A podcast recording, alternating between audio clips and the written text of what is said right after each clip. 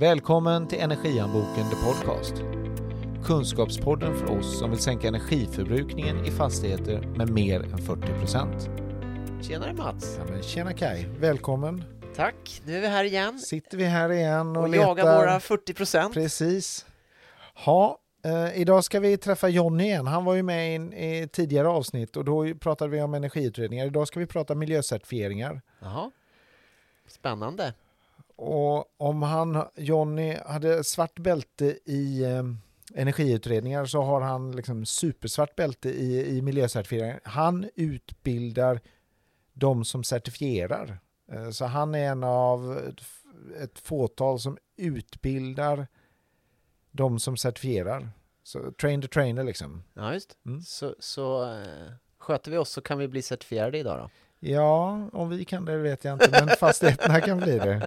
Ja, Ja, men nu ska vi köra igång. vi kör på. Ja. Ja. Välkommen!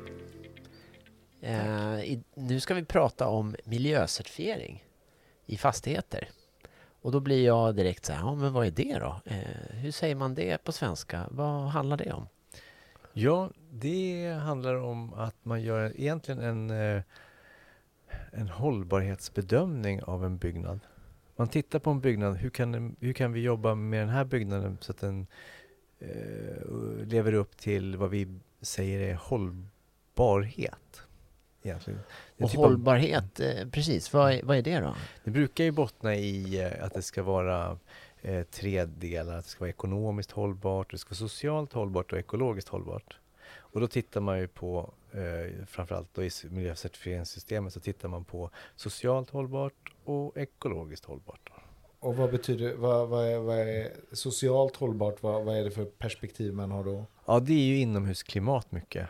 Eh, sen finns det system som har specialiserat sig på att se hur, hur människor interagerar med inomhusklimatet och med lite grann kring... Eh, det finns vissa system som, som bedömer också eh, själva driften av byggnader och så och hur liksom, människor interagerar med Men är det well, well Ja. finns ju ett system som, som bara, eller som, som, ja, som bara tittar på hur, hur fastigheten beter sig eh, i, i, till välmående för de hyresgästerna va? Ja, så är det ju.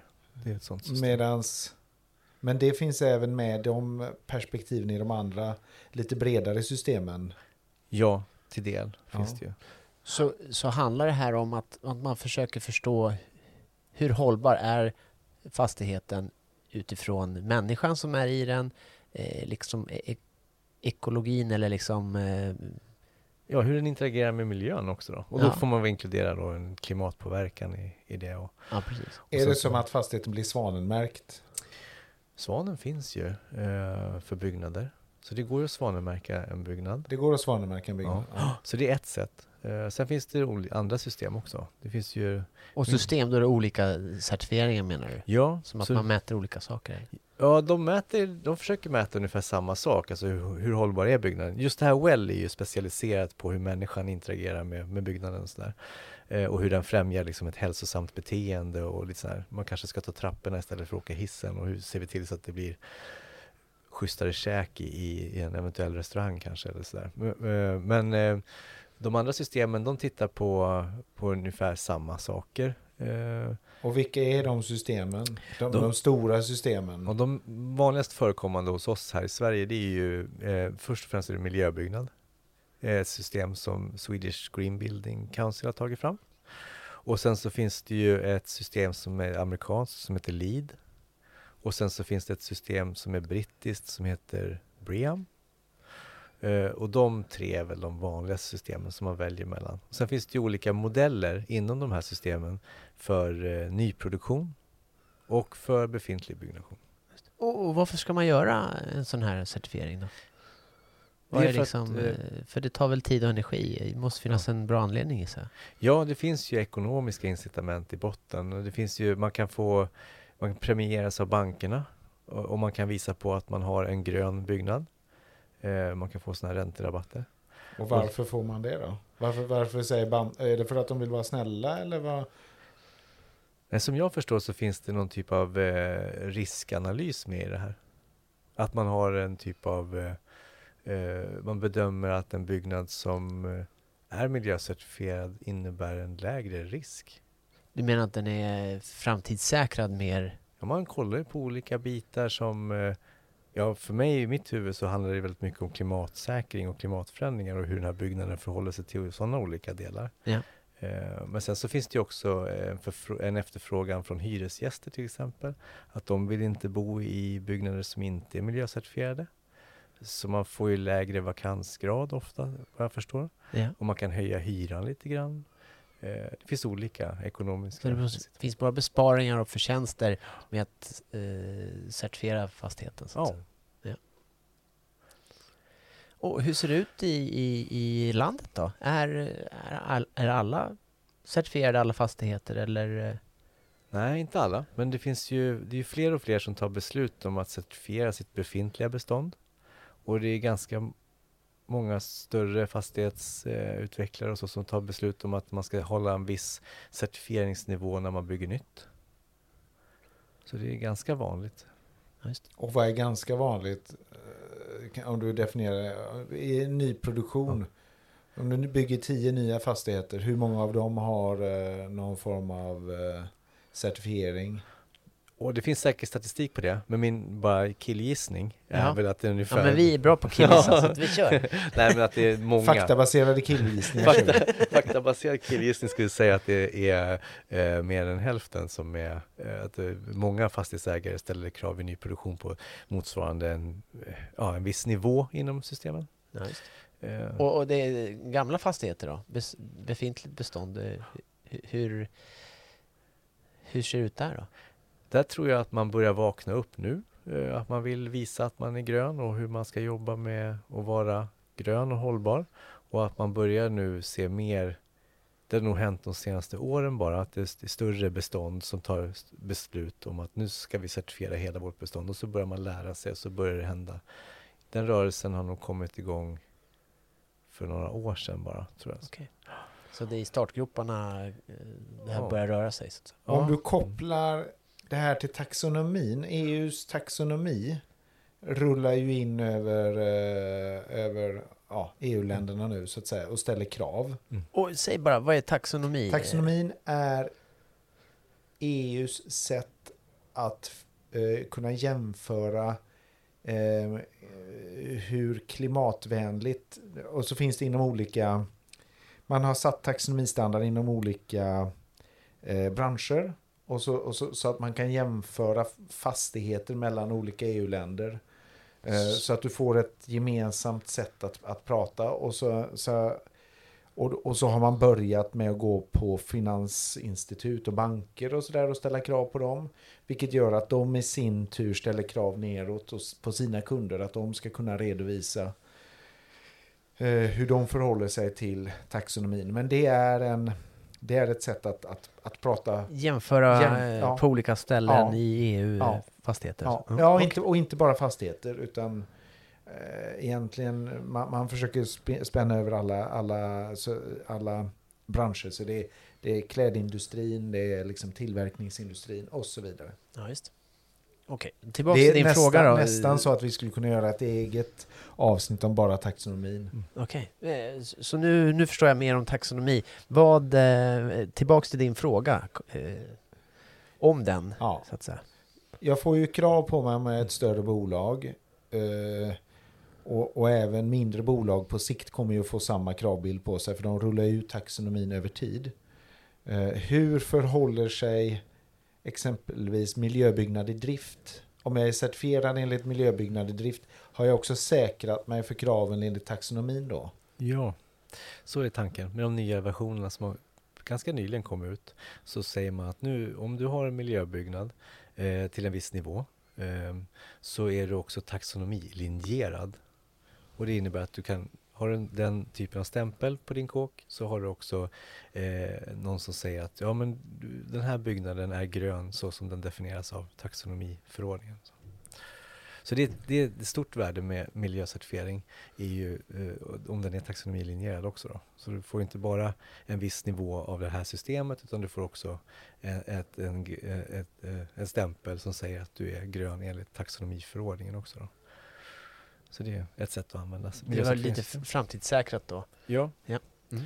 Så det är, stor, det är en stor grej som har hänt mellan just miljöbyggnadssystemet, eh, den tidigare versionen och den som lanserades ganska nyligen. Det är att den nya, den har inarbetats så att man kan bli taxonomilinjerad om man jobbar efter en viss nivå. Eh, och det, det ställde, eh, det, det blev en jättestor förändring. En miljöbyggnad 3.2 är inte alls samma sak som en miljöbyggnad 4.0. De har liksom nya eh, krav och områden och, och tittar inte bara om den tidigare versionen bara tittade på byggnaden och drog systemgränsen vid husliv liksom och tittade så. Så tittar det nya systemet också på biologisk mångfald och vad är det för mark du har byggt på. Ja, just. Så det blir en, Ett större helhetsgrepp. Ja, det blir det. Så är det. Får, du- får du in de här aspekterna, för det pratar man ju mycket om eh, avrinning av vatten och, och, risk för översvämningar och sånt där. Är det de perspektiven också eller? Ja, de är med eh, just i riskanalys och sen så också har du ju en, eh, ett krav på att någon som kan det här med eh, landskapet ska vara med och, och titta på, på, på, på hur det funkar också. En Ja. landskapsarkitekt? eller? Ja, de säger, ja precis, Ja. eller motsvarande. Ja, man vill inte vara helt styrande med kompetensen, men man säger att det ska vara någon som kan sånt där. Eh, men då sen ska du också göra en, eh, ska du se på riskerna med eh, skyfall och, och andra delar också. Och så ska du vid en viss nivå ska du börja implementera de här åtgärderna som du ser. Och, För vi, hade, vi har ju ett avsnitt i, i Energianboken eh, som handlar om att, eh, vad som händer när man planterar träd Mhm. eh, runt fastigheter. Eh, som är jättespännande. För det påverkar dels eh, avrinningsförmågan och, och, och marken, omgivande marks förmåga att ta upp regnvatten. Och det gör att du får ett lägre värmebehov i fastigheterna runt om. Och ett, ett lägre kylbehov sommartid. Mm. Eh, Så träd har en liksom jättepositiv inverkan på, på fastigheter. Ja. Just. Bedöms ibland eh, utifrån grönytefaktor finns det ett tal som heter. Okej. ja. Och då kan man räkna ut hur, hur stor andel man har av vissa nivåer av grönt och så får man en poängsats där. Sånt där tittar man på mer nu. Det tittade man inte på igår, men tittar man på nu. Och det är en del, det är alltså ett resultat av hur taxonomin tittar på hållbarhet och hur taxonomin bedömer som grönt. Ja, just. Mm. I den här podden, vi jagar ju 40% energibesparing. Så jag gissar, och du får rätta mig om jag har fel, att eh, det här handlar om att eh, det blir lite tvingande att lära sig om, eh, om liksom energi och besparingar när man eh, jagar en sån här certifiering. Så att det blir som ett... Eh, de här 40 procenten blir som ett steg, nästa steg. Eh, är jag med då? Har jag förstått det rätt? Eller? Det beror på din ambitionsnivå, men eh, som lägst så ska du uppfylla de myndighetskrav som gäller. Eh, så är det ju. Då, då får du den lägsta nivån betyg. Sen kan du jobba med att trimma in och, och skärpa och försöka få en lägre energianvändning för att få ett högre betyg. Då. Så lite grann beroende på. Eh, Ja, så varje system har ju, ju mer besparingar man har lyckats eh, komma åt, eh, ju högre betyg får man. så har du möjlighet att nå då. Ja. Men sen är det eh, olika hur de här aggregerar och bygger ihop sig då. Just miljöbyggnad har ju en aggregeringsprincip och sen så har ju BREEAM och LEED och andra då. Poängberäkningar och olika sätt att liksom värdera de här sakerna. Men miljöbyggnader som är ett svenskt system, Mm. eh, då antar jag att de har, eh, de, den är mer anpassad för svenska förhållanden eller är det, Ja, det stämmer. det ja, Ja. och ka- kan, du, om du, kan du exemplifiera det mot, mot eh, LEED och BREEAM? Ja, om man tänker sig de internationella systemen så ska ju de funka även för en byggnad i, i Asien eller eh, någon annanstans i världen, som i Sverige. Så då kanske man behöver bedöma vad har man för eh, tappvattenkvalitet eller andra, andra aspekter som kanske inte är en jätteutmaning för oss. Då. Eh, och det kan också vara hur man mäter ventilationsluftens eh, kvalitet, eller inomhusluftens kvalitet och sådana saker. Medan miljöbyggnad, då stödjer man sig kanske på OVK. Eh, eller saker som liksom, eh, det ska inte tillkomma så mycket arbete när man använder miljöbyggnad som om OVK, vad var det för något? det är obligatorisk ventilationskontroll. Det är något som man ska göra eh, för att se till så att ventilationsaggregatsystemet funkar som det är tänkt. Det är, det är, någonting som gäller, ja. det är något som gäller i Sverige Ja, bara. ja. Ja. Det, det pratade vi med Hasse om. Ja, nu när du säger Ja, så ja. kommer jag, Ja. kommer jag ihåg Ja. lite grann. Ja. Nej, man lutar sig mot sådana saker i miljöbyggnad då, så att man ska, man ska inte ta fram några nya handlingar egentligen. utan Det ska vara det som, som normalt eh, behöver tas fram för att man ska bygga en bra byggnad. Ja, just. Och nu, jag blir nyfiken på de här 40 procenten igen då. Om man har en fastighet som inte är certifierad överhuvudtaget och man då funderar på, men vi kanske ska certifiera oss. Kommer man då automatiskt att, eh, låter det som, göra massa besparingar eh, för att få den här certifieringen? Och, och är vi då på något bidrag till våra 40 procent? Om du har en befintlig byggnad Ja. och du vill att den ska bli en certifierad byggnad, ja. då, eh, då, då, då eh, eh, bedöms energianvändningen. Och är den inte tillräckligt bra, då behöver du skruva på den och, och se till att få ner den. Så, så på så sätt påverkar man och bidrar. Ja. Sen har och, du, och när du säger inte tillräckligt bra så räknar du ut det teoretiska värdet. För en, alla fastigheter har ju ett, en teori, ett teoretiskt värde. Så, så när allting är optimalt så klarar den att leverera på ja, men 70 kilowattimmar per år och kvadratmeter säger vi. Men sanningen är att den drar 100 kilowattimmar per kvadratmeter år I praktiken. i praktiken. Ja. Och sen så, så kan du ju jobba med att, att möta det teoretiska värdet och sen kan du ju förbättra det teoretiska värdet genom att göra investeringar. Mm. Men, men är, det, är det så att den måste gå på teoretisk... Va, va, va, hur det, det är den faktiskt uppmätta och det är den som är i energideklarationen som ligger till grund Okej. för prestandan. I miljöbyggnad är det så. Eh, om du har en befintlig byggnad så är det ju energideklarationen som ska in. Och, och när du bygger nytt så behöver du först visa med en energibalansberäkning, den teoretiska. Mm. Eh, och sen behöver du styrka att det faktiskt blev så med en Mm. energideklaration. Mm. Och energideklarationen ska som regel bygga på uppmätta värden. Eh, det är Då är inget- vi i den fysiska verkligheten. Ja, det är den fysiska verkligheten. Just. Och det där har man ju eh, också jobbat mycket med inom miljöbyggnad. Man har hittat att det har funnits problem med vad som är en byggnad och vad som är ett kvarter och, och sådana där saker. Och hur ska vi mäta och följa upp energianvändning? Och de där sakerna är ju implementerade i systemet nu. Så att eh, vissa saker som man följer upp och ställer krav på i systemet är ju saker som innebär en högre kvalitet för, för byggnaden. Så. Mm. Och det innebär att eh, då har man, om fastigheten är miljöcertifierad så, så har man checkat av ett antal riskparametrar och Mm. man vet att fastigheten ekonomiskt drivs på ett hållbart sätt. Eh, Energiekonomiskt. antar jag. Energiekonomiskt ja. ja. Det gör ju i, i sin tur att, att, att det blir lättare för mig som finansiell aktör att bedöma fastigheten. Ja.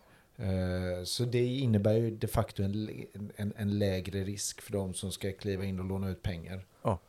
Ja, det är som, ja, Mm. det är som ett kvalitetssystem också i sig. Eh, när man sitter som miljösamordnare i projekt, då sitter man ju och granskar och ställer frågor till projekteringsgruppen om man bygger nytt. Då. Eh, och hur har ni tänkt här utifrån den här aspekten och sådana saker. Så då lyfter man ibland på stenar som inte hade lyfts på annars, eller som inte har hunnits med. Eh, eh, och, eh, Har du några exempel på vad, hur kan en sån sten se ut? Ja, men det kan ju vara ehm, har man en, en hög ambition inom eh, Alltså vi frågar ju till exempel så här, eh, hur säkerställer vi att vi f- eh, har tillräckligt med luft i de här rummen? Eh, har ventilationskonsulten räknat ut så att det lever upp till de här kraven i varje rum? Det är en sak som bedöms och då kan det ju ibland vara så att man ser att ja, men här kanske man har lite på gränsen eller för lite eller ja, kan väcka frågor. Sen finns det ju saker med arkitekten. Eh, det är ganska ofta som jag har fått ändra planlösningar på hus eh, för att de har blivit för varma i rum. Och det är Så det är som, snyggt men det är inte bra Ja. för inomhusklimatet. Ja, det kan bli alldeles för varmt. Eh, ett tag då i tidigare versioner så tittar man mycket på dagsljuset också. som var en typ av hälsosocial aspekt. Då. Eh, och då kunde man behöva ändra på saker. Och sen så säkerställer man också att eh, det som står i Boverkets byggregler kring de här sakerna, eh, eller andra myndigheter också, eh, eller branschpraxis och där, också inarbetas. Då. Det handlar mycket om fukt också. Eh, bygger man enligt branschregler, säkerställer man det? Mäter man på rätt sätt så att betongen torkar ut inom rimlig tid? Eller kommer man bara lägga på grejer och bygga in fuktrisker och sådär? Ja, det där är en stor bedömning. Det är mycket sånt Sen kollar man också på vad som byggs in. Tänk om det skulle vara så att vi kommer på att en vanlig byggdel helt plötsligt innehåller en ny asbest. Då. Då om man har en miljöbyggnad, då ska man veta om att eh, okej, okay, i den här byggnaden har vi faktiskt den här produkten och vi har den där eller där eller, eller så. Och då kan man lättare komma åt och sanera eh, saker som vi kanske kommer på senare, eh, längre fram i tiden. Men är det som en sån här byggdeklaration eller? Ja, de är ju med då, ja. för de deklarerar vad som var i innehållet. Eh, så man har en loggbok över produkter och det är leverantör och det är liksom produktbeskrivningar. Men hur hanterar du det i befintliga kåkar? I befintliga kåkar så gör man istället en, en sanering och kollar så att det är gjort eh, enligt de lagkrav som finns. Att man har sanerat PCB och de här asbest och att det liksom är skött redan. Och hur ofta hittar du det i befintliga kåkar idag? Eh, det, det händer. Man går ner i någon, en gång var jag i en, eh, det blir ju sån här rövare. Rövarhistoria. ja, man var inne i ett köpcentrum. Eller nej, det var en större, ja men större, en jättestor byggnad. Och sen så, som, och så i, då ibland har man som ventilationskammare. Man ställer fläktar i ett rum liksom och så suger man in luft i det här rummet och så puttar man ut det igen ut i huset sådär. Eh, och i det här rummet så fanns det ju rör som vars rörböjar var isolerade med just asbest. Då. Så att man tog in ventilationsluft i det här rummet och så blandade man runt i det här och hade det, var det då fri asbest och asbestfibrer då skulle de bara följt med rätt in i, i de här I verksamheterna i, ja, i huset. Då. Så det var en sån här tokig, så då hittade jag det. Och en annan gång i något flerbostadshus i i en källare eh, så var jag nere och så knackade man och så tittade man, ah, okej okay, det här var ju en skadad rörböj och det var liksom så att säga fri asbest då. Så. Sen så fanns det någon eh, gång där vi tittade på en fasad och fasaden hade man fogat med något sånt där giftigt, jag tror det var PCB va? Eh, också. Så det, det händer att man hittar det där ute. Mm. Så det är ju också en, en sån sak som man eh, bedömer i befintliga byggnader. Och sen om du skulle eh, bygga om och bygga nytt och sådär, då, då aktiveras också behovet av en loggbok för de nya byggvarorna. Så, ja, som man lägger in liksom. Ja, då vill man ju ha med en sån också. Mm. Så.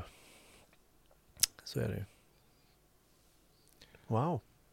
Spännande. Ja, så det här är, blir ju en väg att, att, att utåt kunna marknadsföra sig.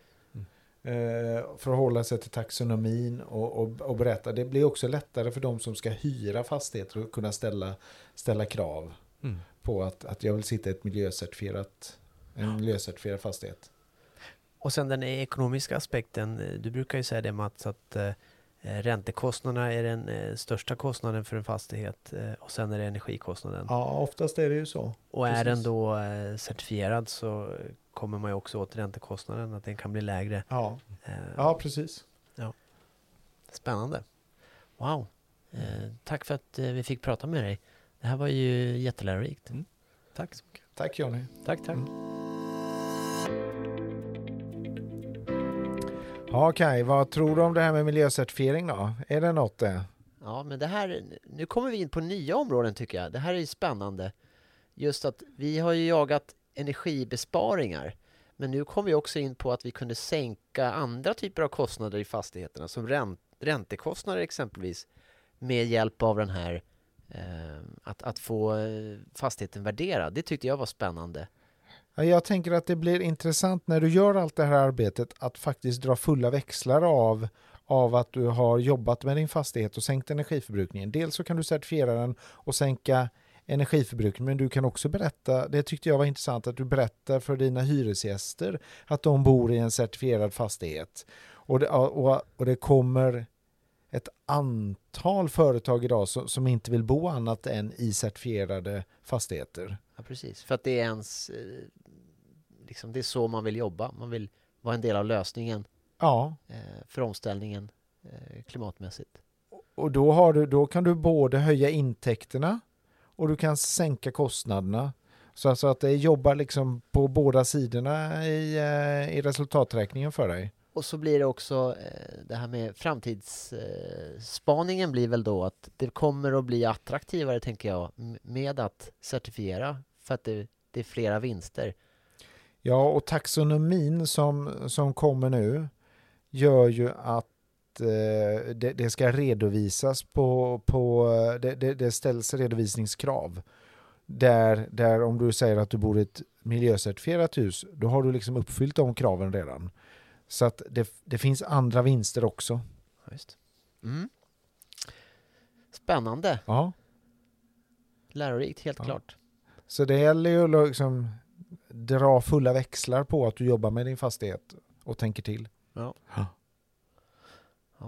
Bra jobbat. Ja. Du, tack, tack för idag. Tack! Podden görs av oss på Indoor Energy. Våra kunder har de energieffektivaste fastigheterna för att vi är specialister på samverkan mellan kyla, värme, ventilation och styrreglerteknik.